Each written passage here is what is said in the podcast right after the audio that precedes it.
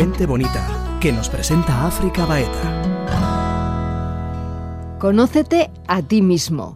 Es uno de los más famosos aforismos de la antigüedad griega. Significa que la principal necesidad de una persona para acceder a la sabiduría, para vivir en paz, es el autoconocimiento. Hoy conversamos con Ovidio Peñalver, psicólogo, coach y todo un referente en el mundo del desarrollo personal.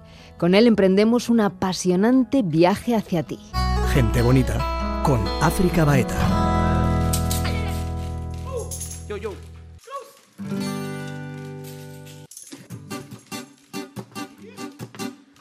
Somos hijos de la tierra y vengo a escuchar de cerca todo lo que te preocupa nada más. Eres libre al respirar, eres aire. Somos. Ovidio Peñalver, es un auténtico honor poder compartir estos minutos contigo y aprender de ti. Mira, yo creo que podía presentarte de, mil formas porque tienes un, un currículum muy extenso, ¿no? Como uno de los máximos exponente en la formación y en, la en el desarrollo de habilidades directivas, liderazgo. Eso es. 20 años dedicado a, transformar y a humanizar el mundo de las empresas. Pero a mí me gustaría que para empezar dejáramos aparcado el hacer, que es muy importante y, bueno, y nos, y nos constituye como seres también, pero me dijeras quién eres, sin el hacer, quién eres, quién es Ovidio. Vaya pregunta, ¿y tú quién eres, verdad? Eh, esa es una pregunta que en el último libro empieza así. ¿Y tú quién eres? Y aunque quede, fíjate, muy raro, te podría decir que yo soy, quizá como tú y cualquiera que nos escuche, un ser eh, cosmo, ancestro, bio, psico, socio, trascendente. Y dirás, joder, vaya definición. Y, si, la explicara diría que sí, que soy polvo de estrellas, que soy producto de, de mis ancestros, que soy producto de mi genética, yo, Ovidio, soy también pues, producto de mi infancia, de mi familia, de mis valores, de mi barrio, de mi colegio, de, lo que he mamado con mis padres, de mis primeras experiencias, de mis traumas. Y luego, por otro lado, soy necesidades, soy ilusiones, soy eh, la gente con la que convivo, mi familia, mi trabajo y soy mis sueños. Fíjate que haces gala a, tu nombre, al poeta romano Ovidio, en la capacidad de comunicación y de retórica. Qué importante también es el lenguaje para, crear realidades. Total. Y el nombre, eh, la gente que nos escuche y, y, le guste la psicogenealogía o las constelaciones o todo este mundo, el nombre te marca muchísimo porque desde que de pequeño te puedes imaginar se cachondearan de mí por el nombre o me llamaran Obi-Wan Kenobi porque era eh, la película de turno, ¿verdad? A que a mí siempre me han llamado por el nombre y no por el apellido, es decir, eh, te da cierta personalidad y unicidad. Pero antes de nada, ¿no? Hemos hablado de Ovidio, pero también me gustaría hablar del oráculo de Delfos, nos vamos a Grecia. Como antes de eh, entrar en el, en el templo de Apolo en Delfos, ¿no? A los viajeros les decían antes de preguntar a los dioses, conócete a ti mismo. Sí. Quizá la base, la esencia de toda transformación empieza en ese conócete a ti mismo. Estoy totalmente de acuerdo y creo que además la vida, consciente o inconscientemente, consiste, entre otras cosas, ahora principalmente en conocerte.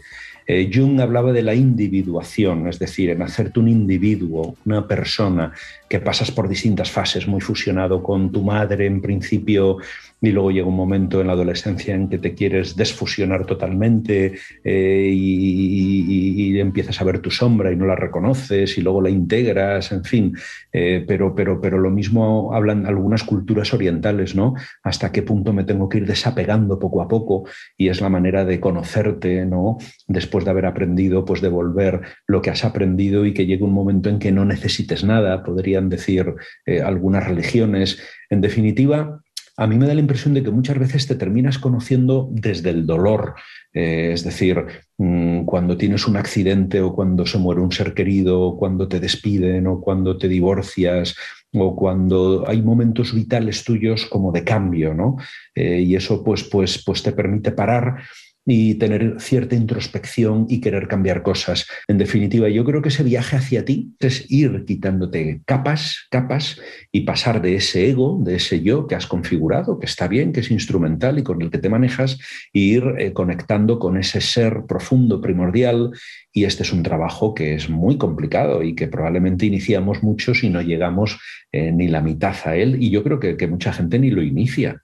De hecho, fíjate, hace tres años hice una formación muy interesante en ecopsicología que funde la ecología y la psicología y se trata de aprender de la naturaleza eh, para, para, para, para, crearte como ser humano.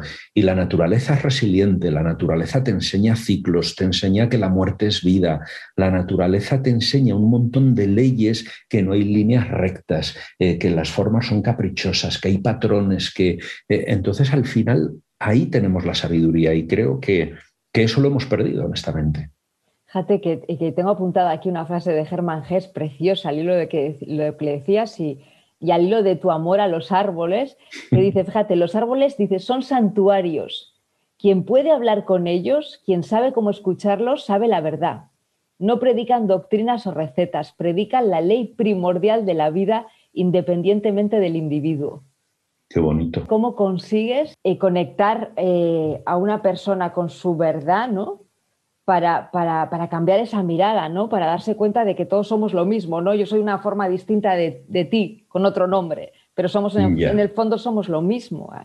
Yo creo que, que, fíjate, que eso ocurre. Ahora, hay que trabajarlo y hay que buscarlo. Entonces, desde mi punto de vista, lo suyo eh, es si no saber solo, pedir ayuda, dejar que te acompañen, seleccionar muy bien talleres de desarrollo, buenos libros, eh, o una buena psicoterapia en ocasiones, o un buen proceso de coaching profundo, muy ontológico, y, entonces después de meses mm, con preguntas potentes, y, bueno, pues que llegue un momento en que tú mismo te mires al espejo y te desarrolles, ¿no? Eh, el libro El viaje hacia ti mm, pretende esto. El viaje hacia ti es mírate, mira a ver de dónde vienes, quién eres, cómo te muestras a los demás y cómo te quieres mostrar a partir de ahora. Es como un viaje en la línea del tiempo, es lo que veíamos en la antigua Grecia de conócete a ti mismo, ¿no?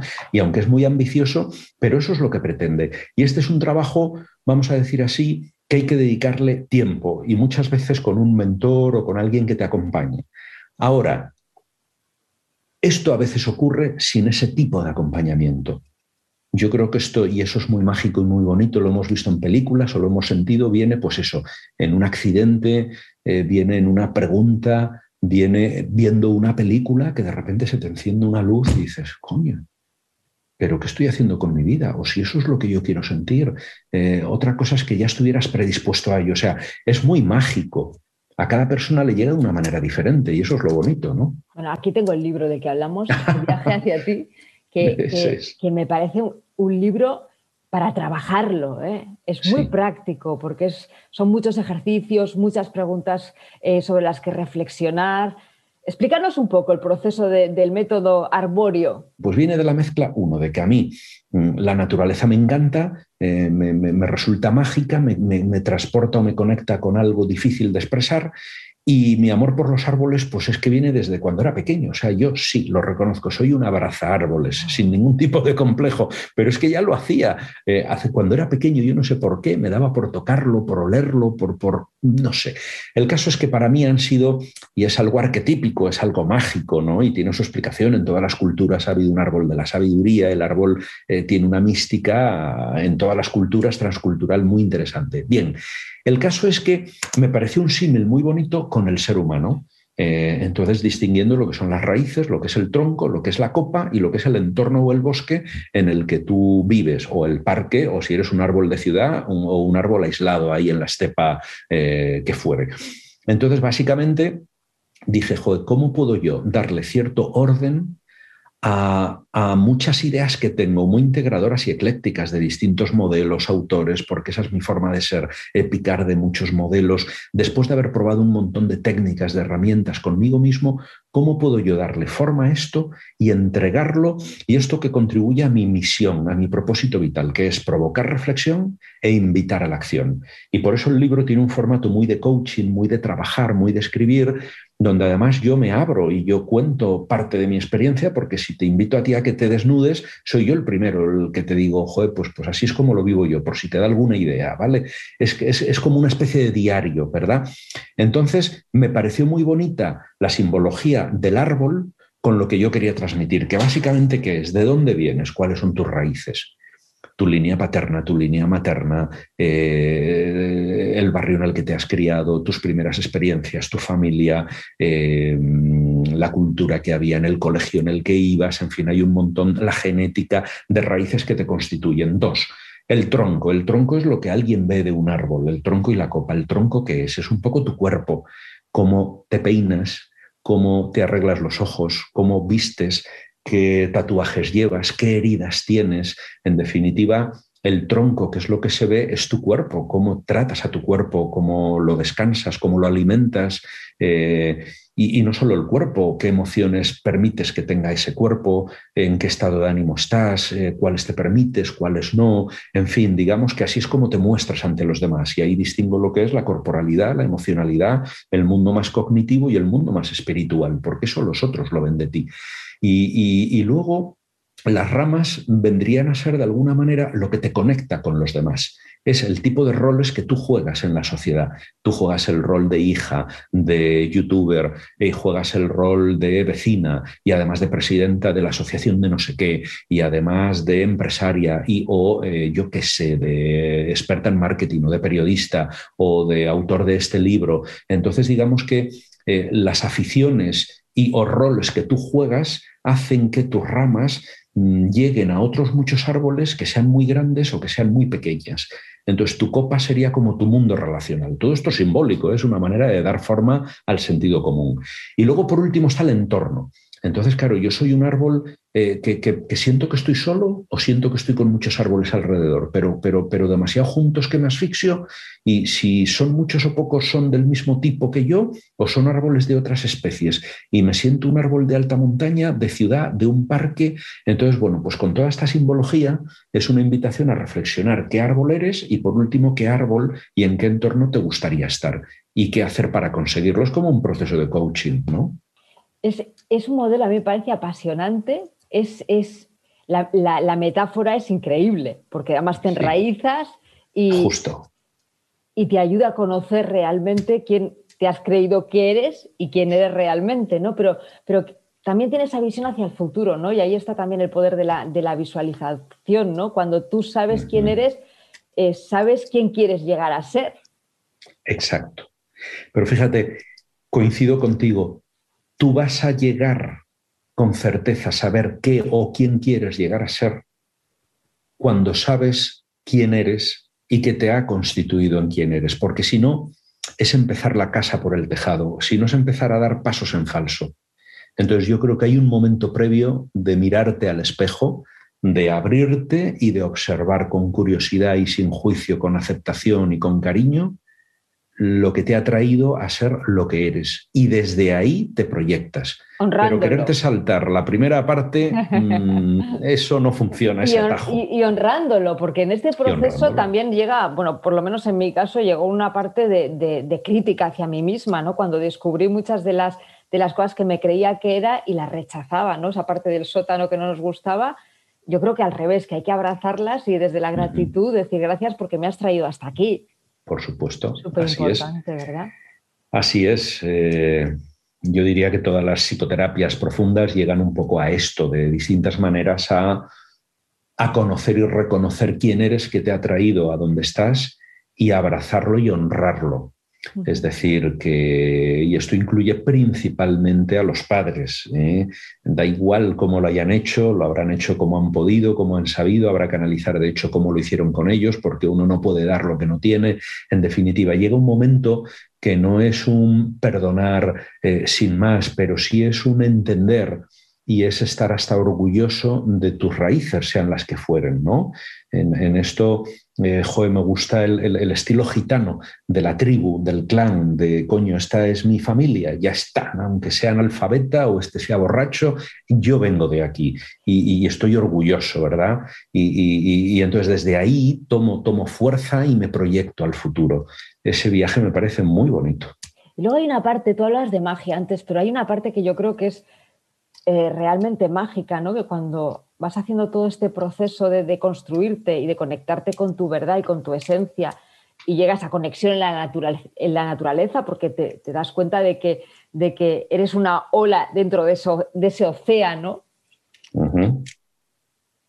Aquí hay cosas que a veces se confunden, ¿no? Ese, ese llegar a ser que yo quiero en el futuro no es tanto desde el ego, sino como desde ponerte al servicio de, ¿no? O sea, yo estoy aquí... la... Eh, me encanta ese matiz. O sea, no es tanto, es verdad y coincido, lo que yo quiero llegar a ser, que suena además hasta muy prepotente y como muy poderoso, eh, aunque bueno, está bien, es proactivo, es visionario, canalizas fuerza, eh, el secreto y pide al universo que quieres, no. Eso unido con me gusta mucho un concepto sistémico que es tienes que permitir que emerja lo que ya está llegando a tu vida. O sea, en ocasiones no tienes que ir tú hacia, sino que las cosas llegan hacia ti. Y lo que hay que hacer es reconocerlo, estar sensible a ello y permitir que emerja lo que ya están haciendo en ti.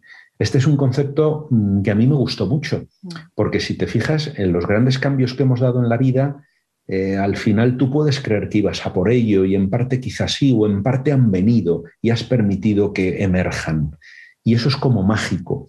Y esto es mucho más humilde, ¿no? Porque a veces llegan, claro. Claro, es el flujo primordial, ¿no? O sea, es que emerja lo que ya eres. Justo. Justo.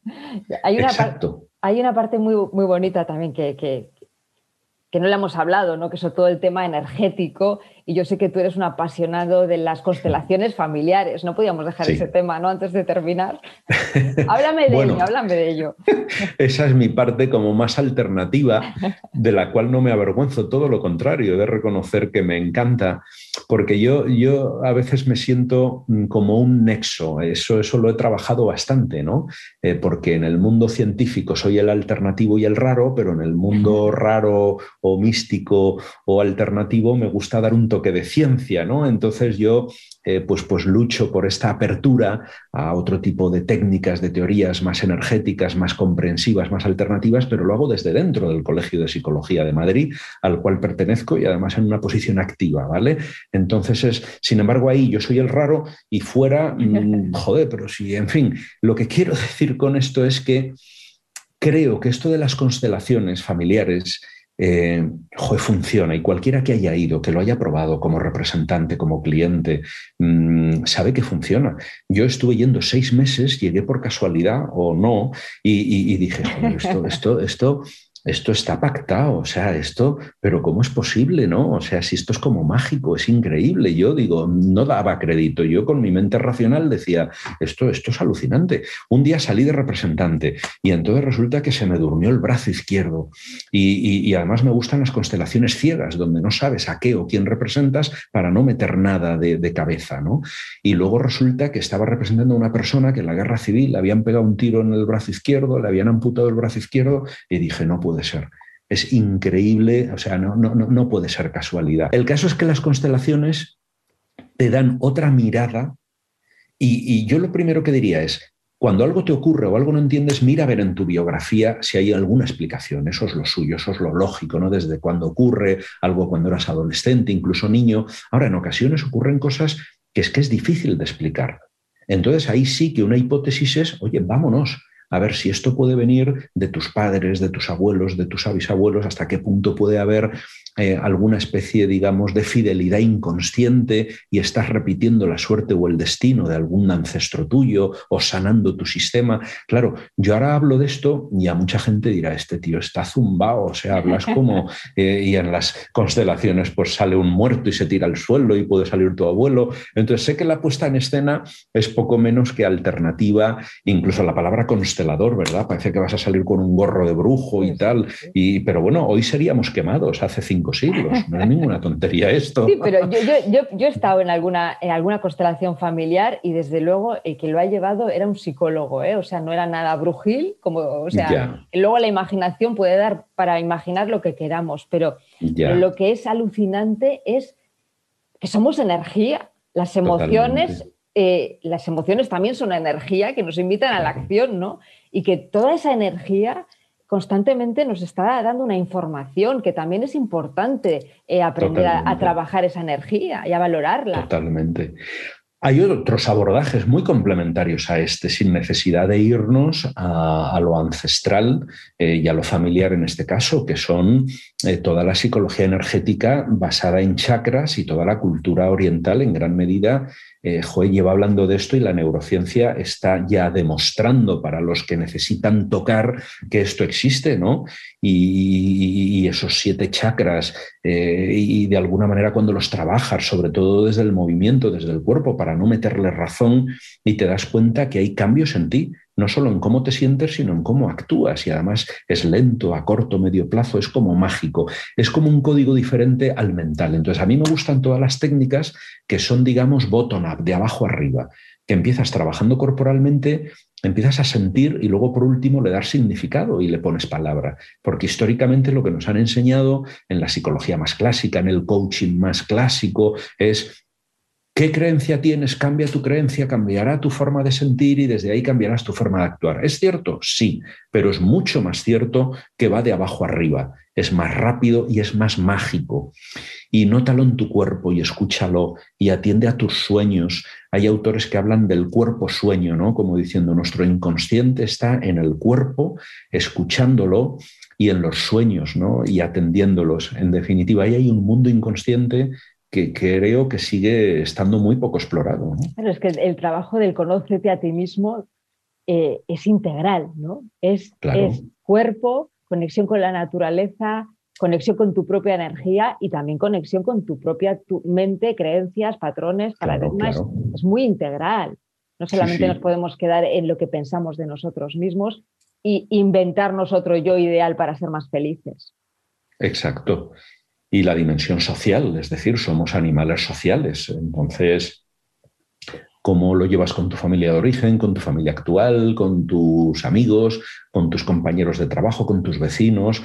Es decir, que, vivimos, somos seres sociales y esa dimensión es vital, ¿no? Y yo a veces mi ego lo formo por lo que otros dicen de mí. Es decir, yo recojo los juicios que otros tienen de mí y me los creo como míos, ¿no? Cuando a veces estoy fingiendo y lo que otros ven de mí es lo que yo quiero que vean, no lo que en el fondo yo eh, soy, porque yo también soy lo que oculto, soy mi sombra, ¿no? Entonces al final eh, ese ser es, mucho más complejo y más multidimensional. Eh, es muy difícil contestar a ¿y tú quién eres? Creo que es maravilloso y ya terminamos con esto vídeo porque no quiero robarte más tiempo, pero me, apasiona hablar contigo y hablaría horas. ¿eh? Es mutuo, África.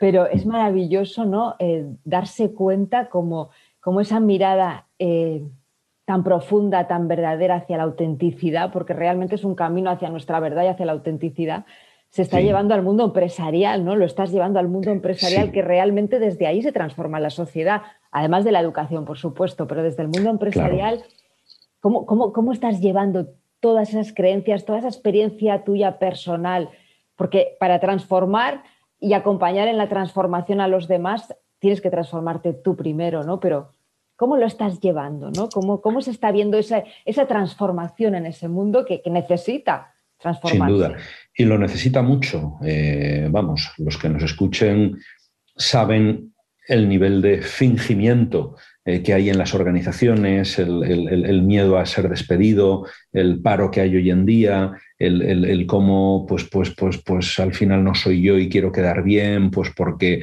hay intereses de promoción, de caer bien. O sea, el mundo mm, laboral es una extensión nuestra eh, que muchas veces está muy teñida de, aparentar y es muy difícil que salga tu, ser más profundo, ¿verdad? Ahí jugamos mucho con egos Eh, y, además se ve en algunos directivos hay unos niveles de patología eh, muy importantes eh, a la hora de tener poder, a la hora de yo mando, yo tengo pues poder de decisión y cómo se comparan. ahí, ahí, no sé, es muy curioso observarlo desde el punto de vista antropológico, sociológico y psicológico. Entonces, precisamente por eso y porque ahí pasamos 8, 10 horas a veces de nuestra vida, durante muchos años de nuestra vida, es necesario que entremos. Lo que ocurre es que hay que entrar con un lenguaje empresarial, porque si no, no podemos entrar. Es decir, hay que conocer la empresa por dentro, es conveniente tener una formación no necesariamente de eh, empresariales o de ADE, pero a lo mejor un máster en dirección de empresas o haber trabajado en una empresa, saber qué es producción, marketing, qué es un proveedor, un cliente, una cadena de valor. O sea, hay que hablar el lenguaje empresarial, punto número uno. Dos, cuando en formación y desarrollo, mm, pues con un coaching de equipo, en un taller formativo de competencias conversacionales o de trabajo en equipo, eh, hay, que, hay que ir un poco a lo profundo contacto con juegos, con ejercicios, sin decir que vas a hacer una constelación, pero vamos a hacer un roleplay colectivo. Venga, ¿quién quiere hacer de cliente? ¿Quién de proveedor? Ponte ahí. Eh, entonces, claro que lo llevas. Vamos a hacer una dinámica. Venga, y empezamos a movernos por la sala y empezamos a andar. Y mira a ver en el día a día cómo vas tú por el pasillo. Y si vas más rápido, cómo te sientes. Y si vas más lento. Entonces, es como irlo metiendo así como que sí, como que no y la gente entra. Y desde luego donde entran a cuchillo es en procesos de coaching ejecutivo individual. Ahí en una tercera, cuarta, quinta sesión, eh, joder, si has generado un buen vínculo y hay una buena alianza, la gente se te abre, eh, te cuenta tus miedos, te cuenta pues, pues sus desafíos, te cuenta sus historias más profundas y es donde yo creo que podemos hacer un montón. Hasta qué punto sienten que están alineados con su misión personal, hasta qué punto pueden aportar en la organización, sobre todo aquellos que tienen equipos, ¿verdad? Porque tienen, eh, ahora se habla mucho de liderazgo saludable, de wellness, es decir, que, se empieza a poner de moda el empezar a hablar de hasta qué punto eh, te cuidas y cuidas a los demás en su salud, en su bienestar. Entonces, por ahí hay una puerta buenísima para todos estos temas. Mm. Está, claro que estamos en un momento como, como sociedad de transformación. Sí. Uniendo toda esa integralidad de la que hemos estado hablando. Y ya para terminar, Ovidio, eh, te doy la última palabra con lo que tú quieras. Un consejo, una frase. Bueno, pues. Un sueño, me ha gustado mucho que antes has dicho que eras un sueño, ¿no? Y eso de, soñar con el corazón, ¿no? Lo que tú quieras. La verdad es que no sé, a mí me gustaría terminar diciendo que el reto, por lo menos para mí, y creo que muchos van a coincidir, es una cuestión de expectativas. No es estar buscando una felicidad eh, puntual, un, un desafío cumplido, una meta. De verdad, cada vez me creo más que ahora mismo esta conversación que hemos tenido, el que nos está escuchando, si lo ha disfrutado al 100% y está aquí presente, bienvenido sea. Y ahora cuando cortemos, pues lo que vayamos a hacer cada uno eh, es hacerlo con esa conciencia plena, que no implica meditar todos los días media hora eh, sin que venga ningún pensamiento con una postura perfecta, o sí, implica intentar hacerlo en todo momento, paseando al perro, comiendo, duchándote, ahora y desde luego con una actitud positiva y constructiva, es decir, autoliderándonos y queriendo vivir eh, con un pensamiento positivo y, y joder, que es que merece la pena, porque es que esto va pasando muy rápido y, este flujo se va apagando y no sabemos en qué va a revertir. Entonces, como, decía Pau Donés, vivir es urgente. Vivir es urgente, esto, esto, ese sería el cierre. Ovidio, es un placer escucharte y aprender de Igualmente. ti. Muchísimas gracias. Gracias, África. Gracias. Hijos de la tierra y vengo a escuchar de cerca todo lo que te preocupa nada más. Eres libre al respirar, eres aire. Puedes ver la entrevista completa en el canal de YouTube Gente Bonita. Y si quieres escuchar otras conversaciones, síguenos en ITV Podcast. Es el que nos viste sin mirar y nos da la libertad de querernos Párate, mira de dónde has partido, no lo ves, pero hay flores en el camino. Eres tú quien puede marcar el ritmo. Las piedras son las que alteran los latidos. Sígueme si crees que estás perdiendo el aire. Ponte en pie, te voy a dedicar un baile. Ya lo sé, solo es un punto y aparte. Déjate llevar, se nos hace tarde. Somos y vengo a escuchar de cerca todo lo que te preocupa nada más. Eres libre al respirar, eres aire. Somos ese miedo al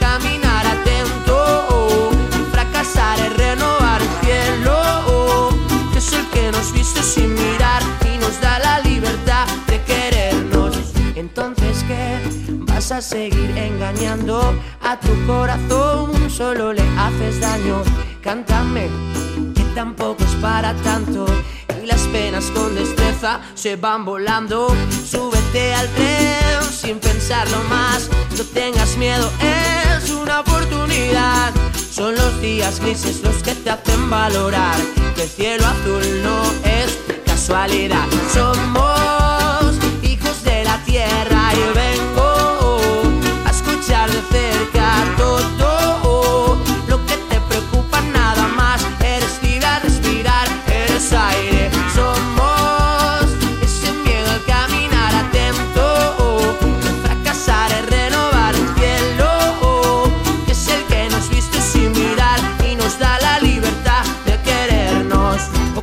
lastimar todo lo que vas dejando atrás. Verás la luz aunque todo se oscurezca. Cuando no puedas más, tus lágrimas caerán y estaré aquí cuando ya no tengas fuerza. Somos hijos de la tierra y vengo a escuchar de cerca todo lo que te preocupa nada más. Eres libre al respirar, eres aire. Somos al caminar atento. De fracasar es renovar el cielo, que es el que nos viste sin mirar